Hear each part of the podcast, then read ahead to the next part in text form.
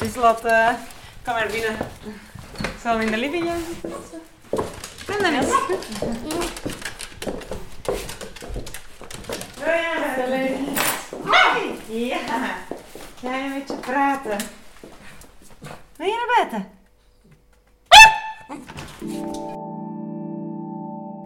Dat was Dennis. Dennis is mijn hond. Ze is een meisje, maar toch heet ze Dennis. We adopteerden haar met die naam. Dennis lijkt mij vrij gelukkig.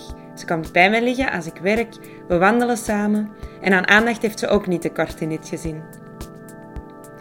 We zijn het er allemaal over eens dat we dieren geen pijn mogen doen en dat lijden over het algemeen vermeden moet worden, als dat kan tenminste, voor zowel dier als mens. Dennis lijkt mij niet echt af te zien of te lijden. Maar is dat eigenlijk wel zo? Lijdt Dennis er niet onder dat ze een huisdier is? Is Dennis van mij of leven we gewoon samen? En waarom heb ik eigenlijk überhaupt een huisdier? Je luistert naar Kluwen.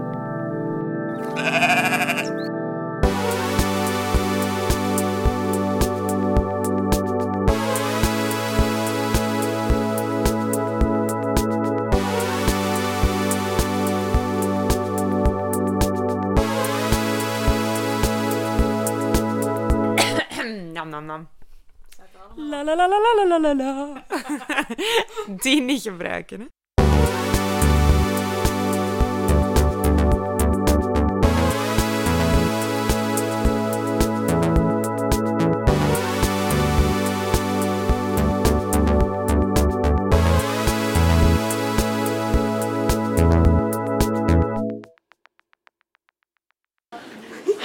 Ja, mijn hond, ik vind, dat, ik vind dat top als je thuis komt en dat beest is heel blij om je te zien. Dat is altijd gelukkig. Ik word daar ook wel echt eh, happy van. Als ik zie dat dat beestje gelukkig is en dat hij zo wat komt knuffelen, ik zou dat wel missen, moest dat er niet meer zijn. Om hun eh, liefde misschien te koesteren, ik weet niet. Voor eh, gezelschap, Ja, voor gezelschap denk Ja. ik ook. Gewoon, dat was eigenlijk gewoon paste voor in de dingen in het interieur.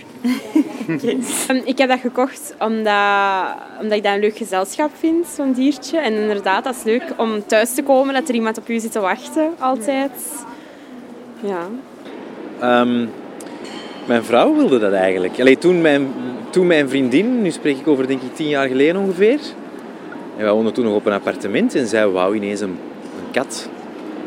Ehm, dus dat was niet echt eh, mijn keuze. Maar je ik vond dat niet erg hoor. Dan zijn we er een gaan halen in, ehm, in eh, het eh, asiel. En, ehm, en dat was al een kat van zes toen. Ze was toen al zes. En ehm, voilà, sindsdien leeft hij bij ons. En ik zo, wauw. En ik denk dat dat misschien de voorbode was van iets of zo. Nou, wij hadden, wij hadden paarden. Als je dat huisdieren wil noemen, want die waren natuurlijk niet. Maar ja, honden altijd natuurlijk. Altijd mijn hele leven honden gehad. Ik vind het heel moeilijk nu zonder. Maar ik ben ook al wat ouder. Dus ik ben, ik ben 76. En als ik nou nog een hond ga nemen, dan overleeft hij mij. En dat ga ik niet aandoen. En eh, ik heb ja, honden, katten. Nou, wat een ander gezin ook heeft, een hamster uiteraard als je kinderen hebt. Ja, ja. om eh, zich niet eenzaam te voelen, voor eh, affectie te hebben, voor, ehm, ja, voor vrolijk te zijn als je thuis komt en je ziet je huisdier. Ook al is dat maar een vis, je weet, je, je bent er, zonder, dat, zonder u is die huisdier eh, dood. Hè? Snap je? Dus je hebt een verantwoordelijkheid.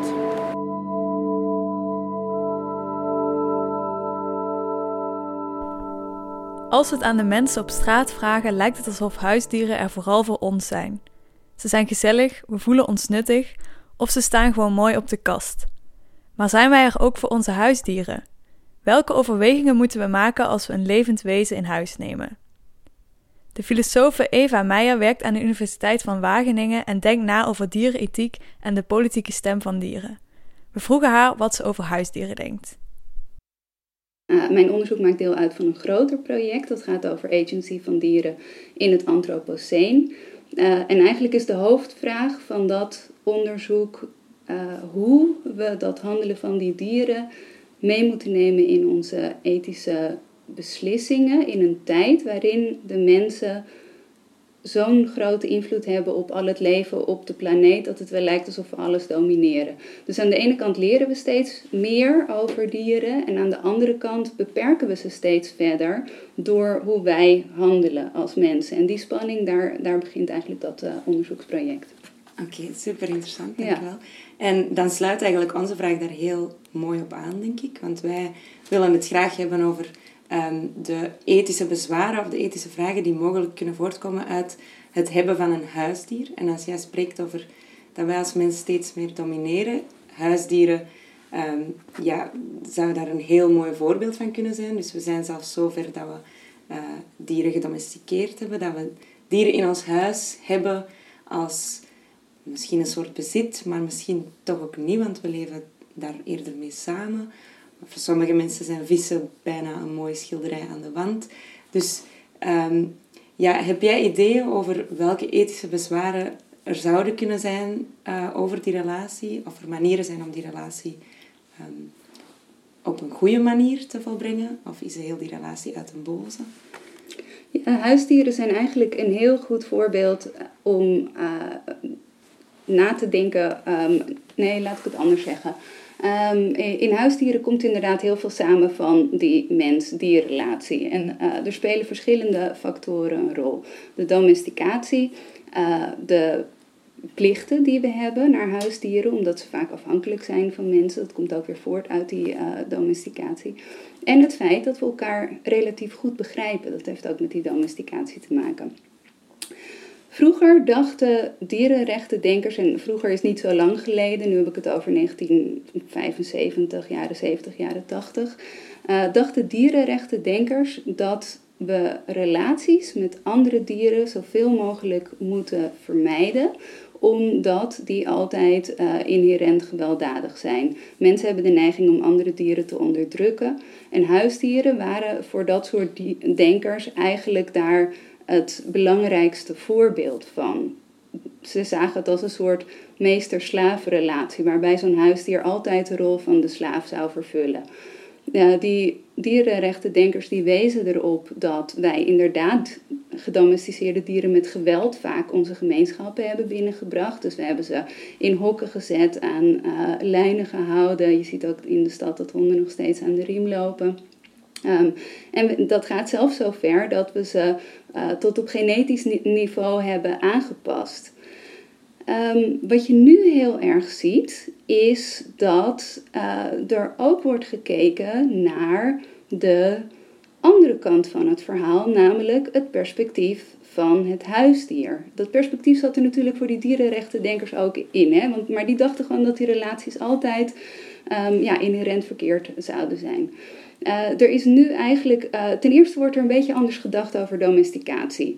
Dus uh, niet alleen wordt er gezegd dat wij als mensen bijvoorbeeld honden hebben gedomesticeerd, maar er zijn ook onderzoekers die zeggen dat de honden de mens hebben gedomesticeerd. Uh, honden zijn gaan blaffen om de aandacht van mensen te trekken. Uh, maar er zijn ook onderzoekers die zeggen van ja, misschien zijn mensen wel taal gaan gebruiken om tegen honden te praten. Nou is dat een klein beetje een um, uh, moeilijk punt. Waarschijnlijk is het ook niet waar. Maar goed dat onderzoek wordt gedaan. Daarnaast is het zo dat mensen ook gedomesticeerd zijn. Dus mensen hebben elkaar ook steeds uitgezocht op bepaalde kenmerken, waardoor de soort steeds zachtaardiger is geworden. En um, mensen zoals bijvoorbeeld uh, Donna Haraway, dat is iemand die heeft heel veel geschreven over relaties tussen mensen en andere dieren. Uh, en Haraway die zegt eigenlijk, wij zijn niet los te denken van de dieren met wie we samenleven. Die hebben ons uh, volledig aangepast en wij hun in een soort wederzijds spel of in, een, in een gesprek misschien wel, tot op het niveau van onze genen.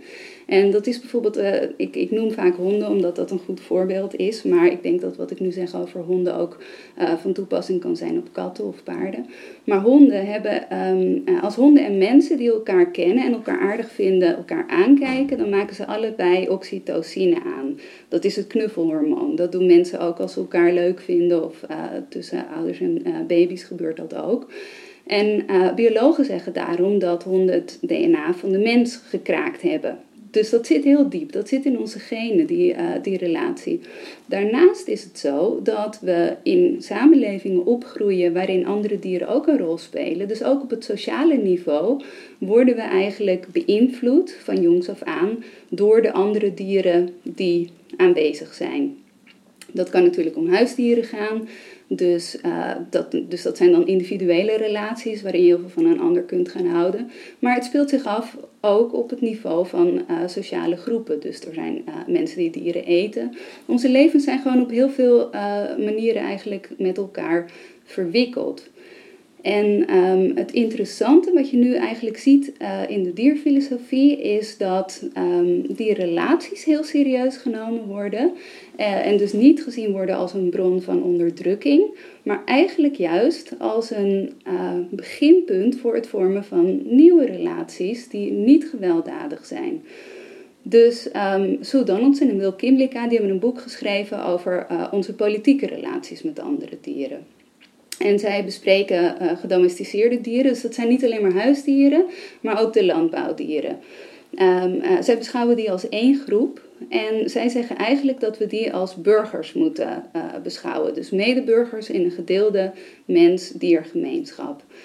Het gaat misschien een beetje ver om dat nu helemaal uit te leggen. Maar hun basisidee is dat we die dieren weliswaar met geweld onze gemeenschappen hebben ingebracht. Maar dat ze um, nu, omdat ze hier wonen, omdat ze geboren worden in, uh, in deze gemeenschappen, ook recht hebben om hier te zijn. En recht hebben om hun eigen keuzes te maken.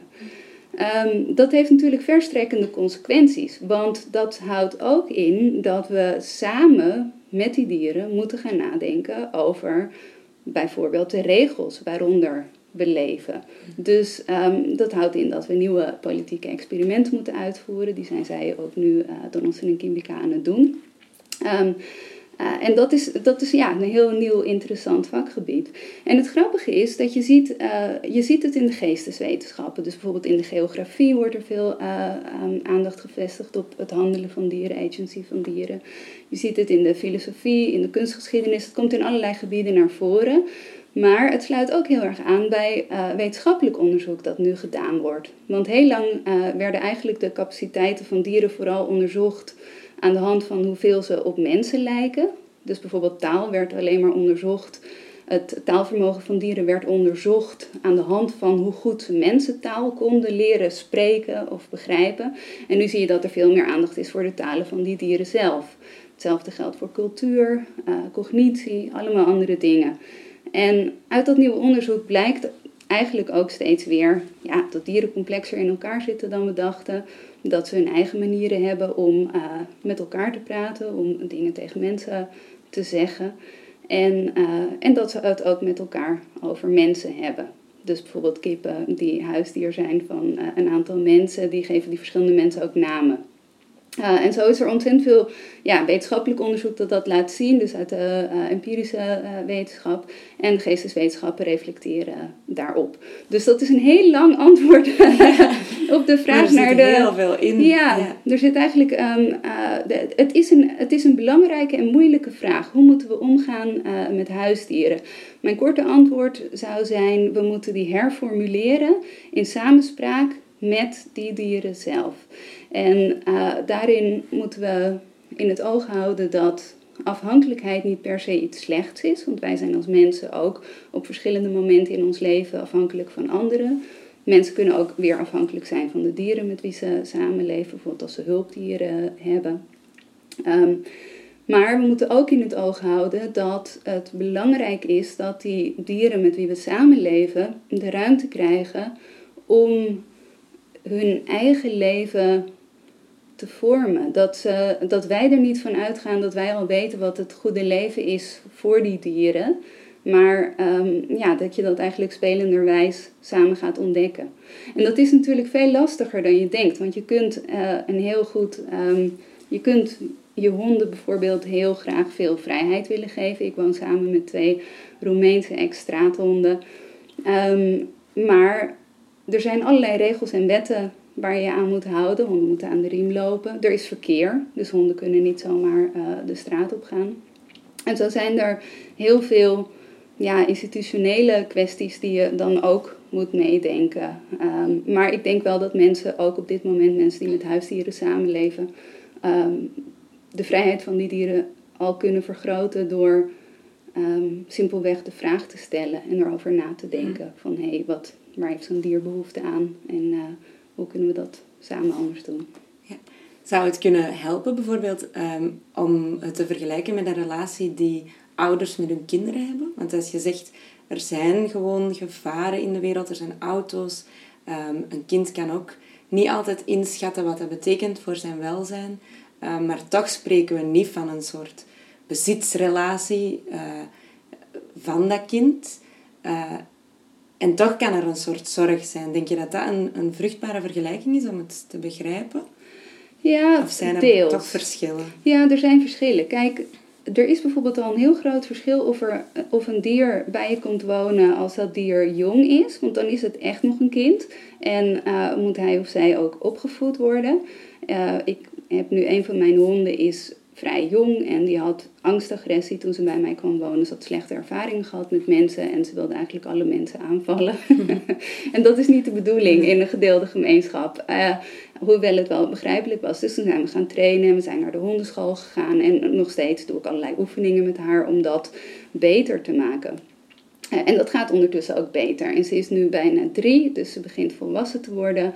Uh, ik merk dat ze wat beter kan reflecteren op bepaalde keuzes. Dat ze denkt, oh ja, nee, dit mag niet. En dan zie je er zelf even, even nadenken. Um, uh, mijn andere hond, Olly, die kwam bij mij wonen toen hij vijf was.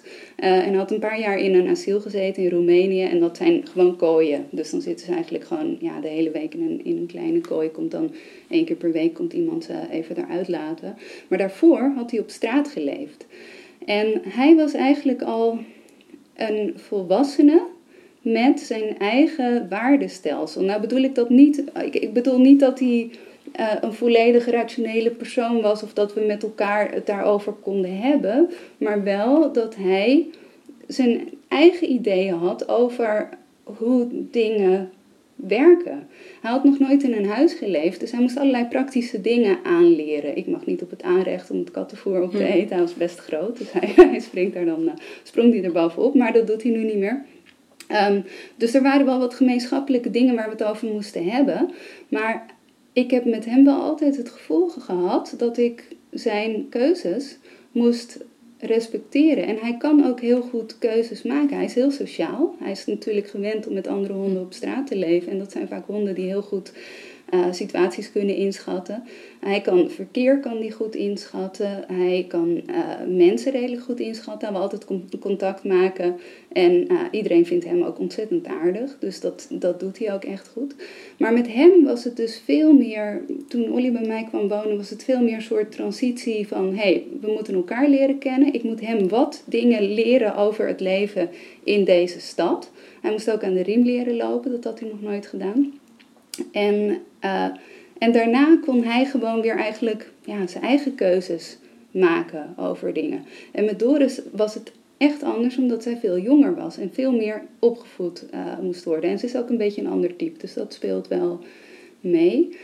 Maar kijk, het punt is dat wanneer je gaat nadenken over, een, uh, over het ontwerpen van een gedeelde mens-diergemeenschap, zul je ook heel erg die um, geografische dimensies moeten meedenken. Dus wanneer je het hebt over steden, zou je moeten zeggen van ja, de auto's moeten uit de binnenstad of zo, zodat dat een plek is waar dieren vrij kunnen rondlopen.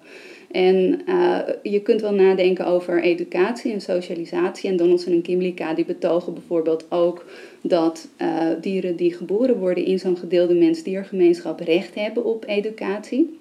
Mensenkinderen moeten ook gesocialiseerd worden in die gedeelde gemeenschap. Dus die moeten ook een beetje de basics leren van hondentaal, kattentaal, paardentaal misschien. En um, daarna gaat het ook heel erg over samen verder denken. Ja, misschien blijkt uiteindelijk wel dat die honden helemaal niet bij ons willen wonen. Misschien is het wel zo dat zij liever ergens met een groepje bij elkaar willen wonen. Of sommigen wel en anderen niet. En wanneer je nadenkt over bijvoorbeeld paarden, paarden kunnen heel makkelijk um, weer van de mensen weg. Dus die zou je ook, uh, en sowieso is het in het samenleven belangrijk om dan die dieren ook een optie te geven om uh, die gedeelde gemeenschap te verlaten. Want anders dan ben je ze weer aan het onderdrukken. Okay. En je spreekt, je spreekt over uh, rechten, over agency, over taal.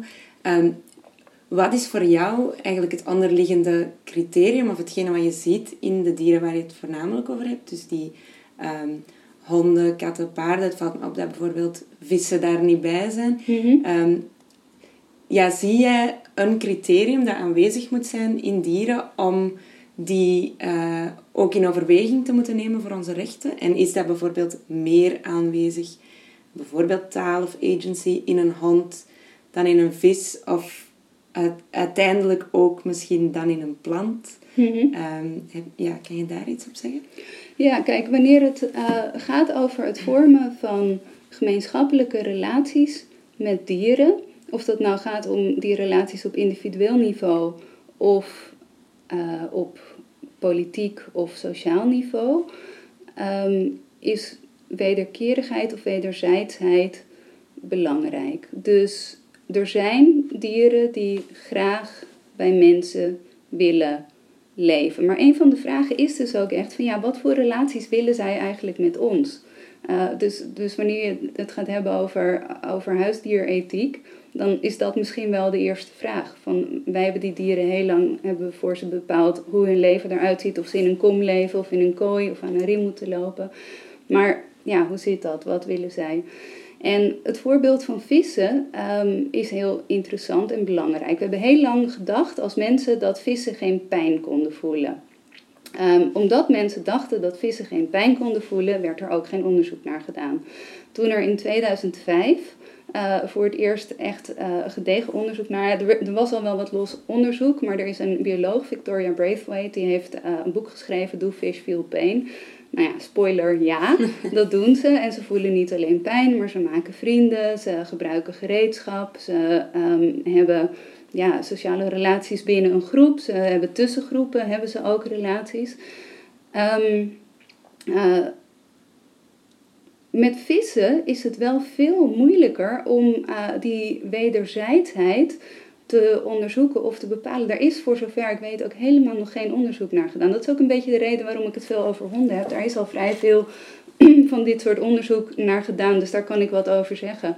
Maar um, uh, ik denk wel dat heel veel um, manieren waarop vissen nu gehouden worden als huisdier, dus in een kleine kom of relatief klein, zelfs in een heel groot aquarium, zelfs in een aquarium dat zo groot is als deze kamer, dat is natuurlijk voor een vis nog een heel saai leven. Want dan zit je je hele leven in deze glazen kamer. Dus dat zijn eigenlijk de gevallen waarvan je denkt, ja, die huisdierethiek die eindigt daar wel. Dan is het inderdaad meer een ornament voor mensen dan dat het een relatie is die uh, voor beide soorten belangrijk kan zijn.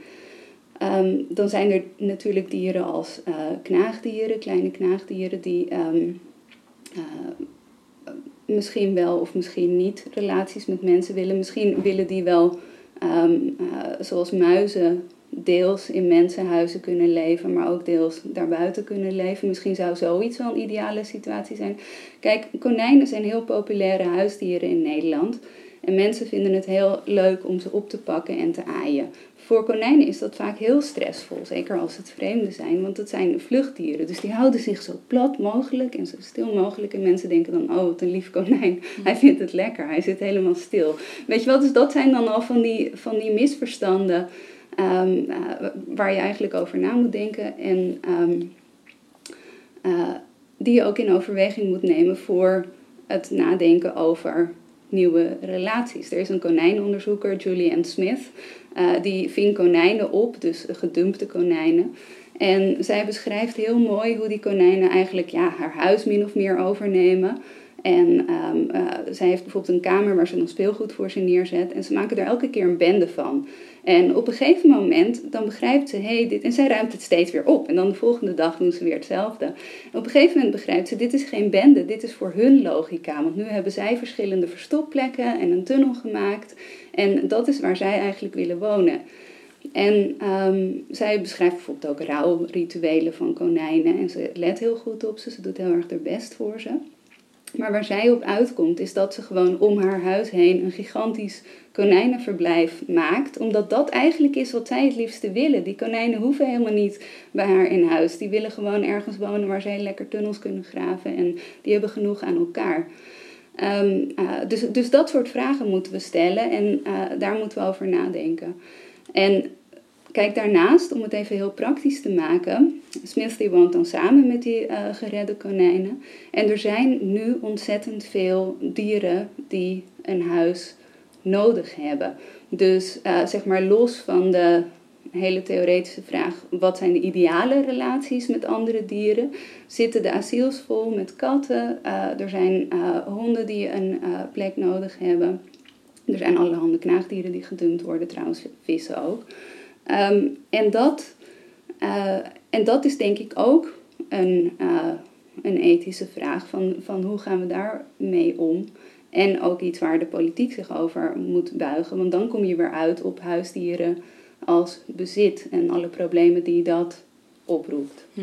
Ja, we hebben nu de hele tijd over dieren gepraat. Ehm, om misschien te eindigen. Uh, er zijn nog andere levende wezens waarmee wij samenwonen natuurlijk. Uh, planten. Veel mensen hebben overal planten. Ik heb zelf een huis vol planten. Uh, en ja, we spreken nu over welke relatie wilt een levend wezen zoals een konijn, zoals een hond Ehm, we kunnen proberen te begrijpen wat een ideale relatie voor hen zou zijn. Dat zij inderdaad misschien gewoon in onze tuin willen vrij rondlopen en niet, niet in een opgeruimde kamer. Ehm, nu is onze vraag, planten, voor zover we weten, willen die niks. Die hebben misschien geen bewustzijn of toch niet in de termen dat wij daarover nadenken.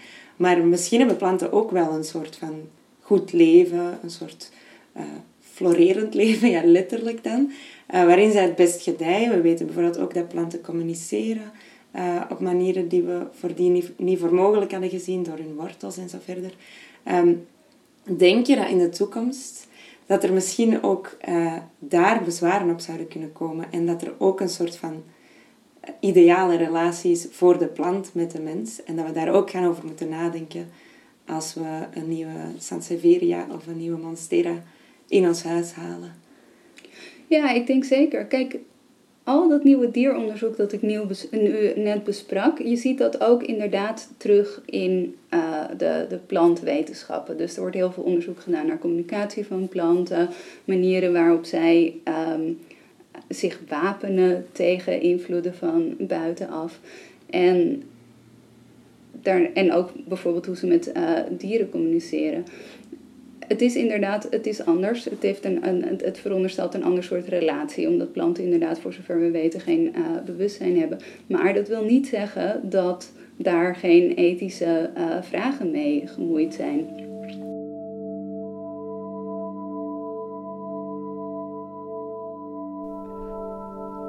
Misschien moeten we planten als levende wezens serieuzer gaan nemen, ook als we ze op de vensterbank willen houden. Paul Struik, en die naam verzinnen we niet, is hoogleraar aan het departement plantenwetenschappen van de Universiteit van Wageningen en onderzoekt de vraag wat het betekent om respectvol met planten om te gaan. Hij ontwikkelde het idee dat planten integriteit hebben en dat we die zo goed mogelijk moeten begrijpen en respecteren als we met planten willen samenleven. Het begrip integriteit van planten heeft alles te maken met, met natuurlijkheid en met uh, de manier waarop je als mens tegen, uh, tegen de natuur aankijkt. Het uh, gaat heel sterk uit van een, uh, van een bepaald uh, wereldbeeld. en dus wat wij zeggen over, over natuurlijkheid en over integriteit hoeft niet voor, voor alle mensen te gelden. je kunt daar ook best heel anders over denken. wij denken erover omdat, we het, omdat wij vinden dat planten een, een integriteit hebben vanuit hun eigen natuurlijke doel. Uh, ze zijn niet voor niets op aarde, ze zijn op aarde omdat ze onderdeel zijn uh, van een ecosysteem, maar ook omdat ze er gewoon mogen uh, zijn. En, en dat beschrijven wij met de term um, natuurlijke telos. een begrip dat een klein beetje scheurt tegen wat Aristoteles heeft geschreven over, over telos, over, over doel. Um, maar eh, als je het hebt over cultuurgewassen, dan heb je het meer dan alleen maar over de natuurlijke doelgerichtheid van een plant.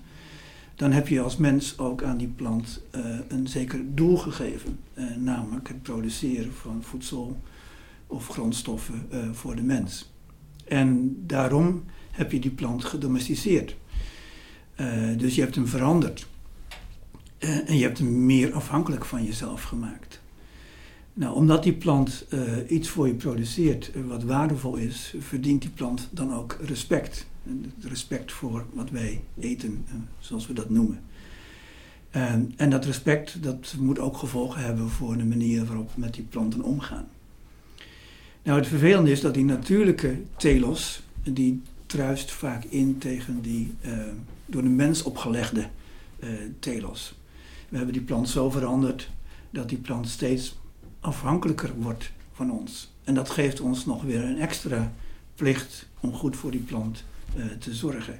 Omdat we die natuurlijke telers als het ware overroelen ten behoeve of ten gunstige van de uh, door de mens opgelegde uh, telos. Kan je nu daar een voorbeeld van geven van hoe dat de ene telos het andere telos in de weg zou staan? Nou, bijvoorbeeld als je slaapplanten kweekt, mm -hmm. uh, dan wil je dat hij een mooie uh, krop maakt. En uh, dan, dan is dat niet erg gunstig voor het overleven van die, van die plant. maar dat geeft niet voor ons als mens, want we gaan die plant toch al oogsten vlak, ver voordat hij tot de reproductie overgaat. Nou, als je een, een plant hebt die een natuurlijk doel heeft, die wil produceren die, uh, en die wil reproduceren, die wil dus zijn genen doorgeven aan de, aan de volgende generatie. En dan moet je dus anders uh, ja, omgaan met die plant. Als je dus die plant de gelegenheid wil geven om zijn plant zijn volledig uit te leven, dan moet je hem ook de gelegenheid geven om te reproduceren en niet al te slachten voordat hij zover is. Dus daar zie je dan dat, dat conflict. Een ander bekend voorbeeld is dat uh, uh, ja, wij planten in hele hoge uh, dichtheden zaaien in de, in de akkerbouw. En dan ontstaan van die monocultures van, van honderdduizenden planten op een, op een hectare.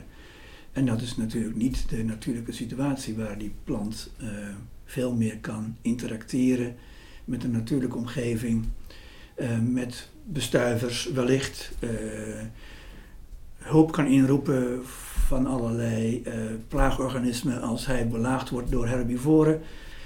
Kortom, hij is dan veel meer in, in interactie met zijn natuurlijke omgeving en kan daardoor eigenlijk beter overleven. Nu moeten we hem daarbij helpen door te gaan spuiten met fungiciden en met pesticiden en met herbiciden enzovoort. Uh, dus ja, je bent dan als mens al bijna verplicht om, om die plant een beetje te gaan helpen om te produceren.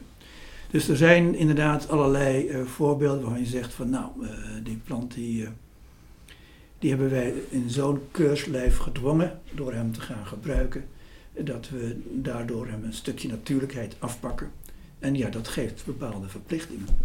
En dat geeft verplichtingen en waardoor we dus respect moeten uh, hebben voor, voor, het, voor die plant. Zowel voor zijn natuurlijke telos als voor zijn mens opgelegde telos. En proberen daar een soort harmonie tussen te kweken, een soort compromis. Uh, waarmee zowel die plant uit de voeten kan als ook de mens nog steeds zijn, ja, zijn doelstellingen kan realiseren. Ja. ja. En, want u hebt het voornamelijk over uh, agricultuur, neem ja. ik aan. Dus over uh, het, telos waar we het dan hebben, over hebben dat de mens de plant oplegt, is voornamelijk voedsel produceren um, of voedsel voor de dieren die wij dan weer uh, consumeren, zulke zaken.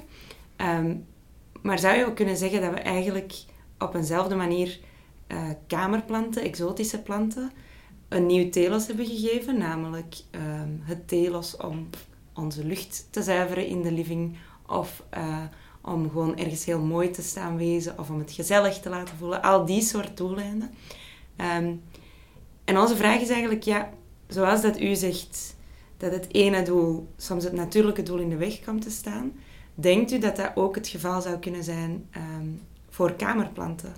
En zo ja, wat voor, moeten we dan anders gaan nadenken over de relatie die we hebben met kamerplanten? Ja, ik denk dat dat ook opgaat voor kamerplanten, want die hebben wij ook een bepaalde, door de mens opgelegde telos meegegeven, namelijk, zoals u zegt, mooi zijn Mhm. of eh, de lucht eh, zuiveren. En dat betekent ook dat je, dat je daar eh, respect moet hebben voor die telos die je opgelegd hebt.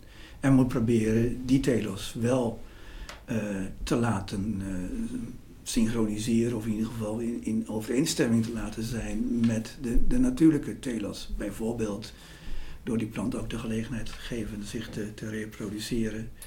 Ehm, door die plant ook eh, de gelegenheid te geven een natuurlijke vorm eh, aan, aan te nemen in plaats van bijvoorbeeld heel erg gedrongen en met zoveel mogelijk eh, bloemen. Eh, Of wat je bijvoorbeeld soms ziet rond de kerstperiode, is dat er in tuincentra eh van die kleine vetplantjes worden verkocht die dan helemaal bespoten zijn met glitterverf Ja. of dat er kleine kerstballetjes in hangen. Dus dat zijn dan dingen die zouden indruisen tegen dat natuurlijke Nou, voor mijn gevoel druist dat in- Ja. inderdaad in eh, tegen de, de, de waardigheid van, van die plant. Die Ja. plant die heeft een bepaalde waardigheid en daar hoort bij een, een natuurlijk eh, gedrag. En daar hoort bij een, een, eh, een situatie waarin die plant zich ook in al zijn plant zijn kan uitleven. Hm. En dat lukt niet als je hem met kerstballen volhangt. Ja. Nee, ja. En bijvoorbeeld een probleem waar ik zelf ook mee in aanraking kwam. Ik heb thuis zo'n ehm, een klein ja, boomachtig ding dat in een pot staat. Ik weet niet precies welke plant het is. Maar onlangs las ik een artikel waarin stond dat ehm, bomen, veel meer dan we vroeger wisten, eh, beginnen we te ontdekken dat die via hun wortels ehm, communicatiesystemen hebben. Dus dat die in contact staan met de bomen rond hen en dat, dat, eh, ja, dat die eigenlijk sociaal zijn op een manier. Zou je dan ook zeggen dat er een probleem is met het houden van zo'n boom apart in een pot? Omdat het dan een natuurlijk telos is dat ik eigenlijk... Ja, zodra je die plant in een kleine pot stopt, heb je sowieso een probleem. Eh, want je, beperkt zijn natuurlijke omgeving Mhm. enorm. Eh, en je beperkt ook zijn eh, communiceren. Niet alleen met, met soortgenoten, maar ook met planten van andere soorten. En ook met, met het microbioom van, van de bodem. Dus al de micro-organismen die in de bodem leven. Ehm, en ja, planten communiceren heel sterk via, via hun wortelsystemen met alles wat in hun omgeving eh, voorkomt. En dat onthoud je die plant als je hem in een hele kleine pot stopt eh, met eh, artificieel medium enzovoort. Dus Mm. ja, ook daar ligt een element van je beperkt die plant in het uitleven van zijn plant zijn in een natuurlijke omgeving. Ja. Je ont- onthoudt hem het ecosysteem waarin die is ontwikkeld waarvoor die eigenlijk is gemaakt. En zijn er nog manieren dan, volgens u, om op een ethische manier, eh, met respect voor de integriteit van de plant, nog planten en leven op die manier in huis te halen? Of zou u Nou, zeggen, Ja, alle je zou planten in de aan tuin? polycultures kunnen denken in grote potten, eh, Ja. maar ik heb ze dan toch liever in de tuin. En Ja. eh, dan eh, kun je er ook van genieten vanuit je huiskamer. En dan eh, doe je toch meer recht aan, eh, aan die plant dan wanneer je hem in een kunstmatige omgeving eh, eh, houdt. Vergeet ook niet dat ons klimaat in de huiskamer helemaal niet geschikt is voor, voor planten. Nee. Het is te droog, het is te warm, het is eh, in het Zeker algemeen... we eh, er allemaal exotische planten bij sleuren. ja, ja, maar dan nog is het samenzetten de, die niet de samen- verhouding tussen licht, water, lucht, die zijn heel anders dan Mm. waar planten normaal op rekenen. Ja.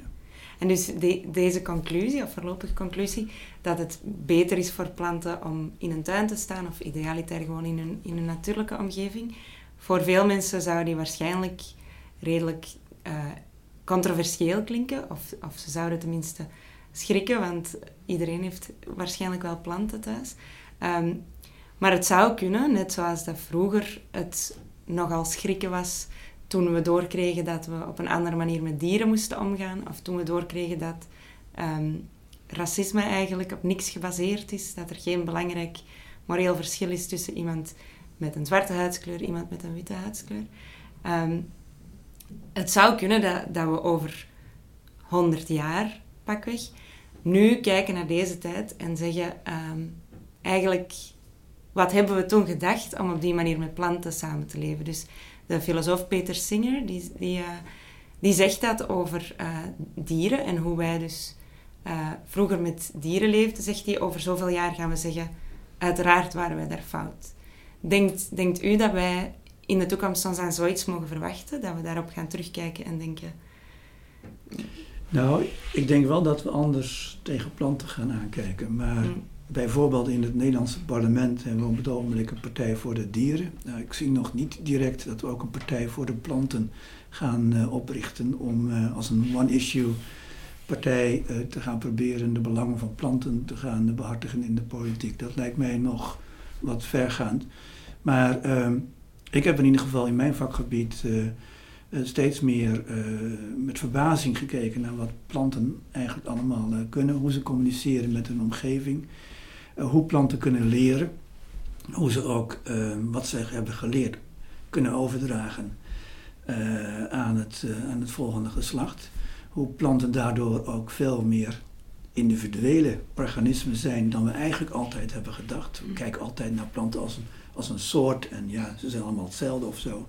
Nee, planten hebben ook allemaal een individueel leervermogen wat ze kunnen overdragen aan het volgende uh, geslacht. En daardoor ja, ga je toch uh, ja, respect hebben voor, uh, voor wat planten zijn en, en kunnen. En moeten we misschien wel met meer waardigheid eh, naar planten kijken dan we tot nu toe hebben gedaan. Zoals bijvoorbeeld ook in de Zwitserse wetgeving al uh, min of meer is, uh, is vastgelegd, waar ook al echt over de würdigkeit der planten uh, artikelen zijn opgenomen. Dus ja, ik denk dat het onze houding ten opzichte van planten wel degelijk gaat, gaat veranderen. Ja. Okay. Dus in de toekomst waarschijnlijk geen Sanseveria's meer op de vensterbank? Of nee, ik denk het niet. Okay. Zeker, zeker niet op de vensterbank. Misschien okay. in de tuin. Misschien in de tuin. Ja.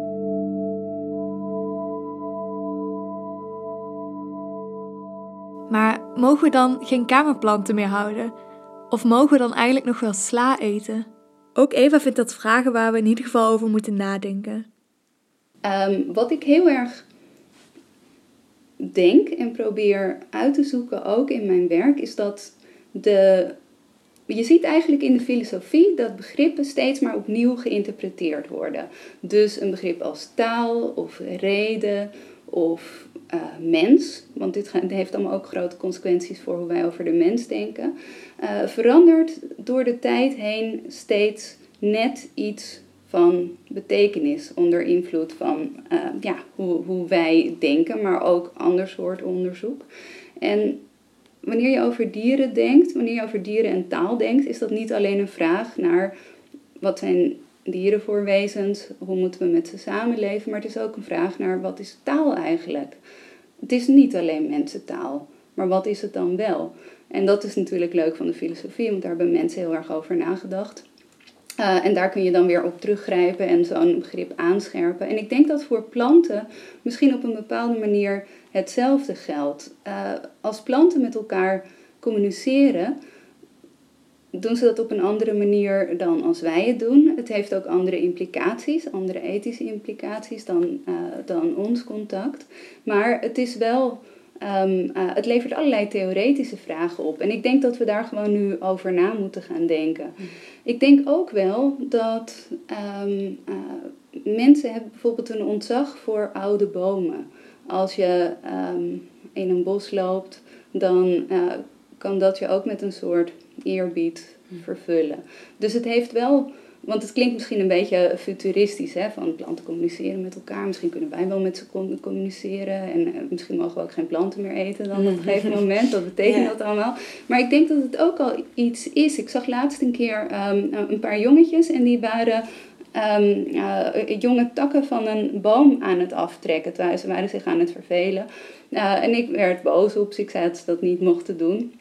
Um, maar dat is, ja, het gaat toch tegen je gevoel in als, als kinderen een boom zomaar mollen. Dat is niet de bedoeling. En dat is helemaal niet zo. Kijk, als het een koe geweest zou zijn, had ik heel anders gereageerd. Was ik veel feller geworden. Had ik, weet je, maar, maar het is toch iets wat voor je gevoel niet helemaal klopt. Dus ik denk dat wij ook een intuïtie hebben over uh, planten en het floreren van planten en het belang daarvan. Kijk, daarom vinden mensen het ook leuk om met planten samen te leven. Het is leuk om te zien dat ze opbloeien, misschien door jouw zorg, maar eigenlijk vooral ook, denk ik, omdat ze dat zelf doen. En ook weer op manieren die je zelf niet voor mogelijk had gehouden. En ja, misschien gaat dat alleen maar over eerbied voor ja, de wereld die groter is dan wij. Of begrijpen dat je daar deel van uitmaakt. Maar het gaat denk ik ook over ja, die echte plant tegenover je. Maar daar uh, moeten we nog verder over nadenken. Dit was Kluwen, een filosofische podcast over de knopen van het mens zijn. Bedankt aan onze gasten en aan Anne Lucassen voor het beeld. Dennis, wil jij nog iets zeggen? Heb jij nog iets te zeggen? Nee, sorry Dennis.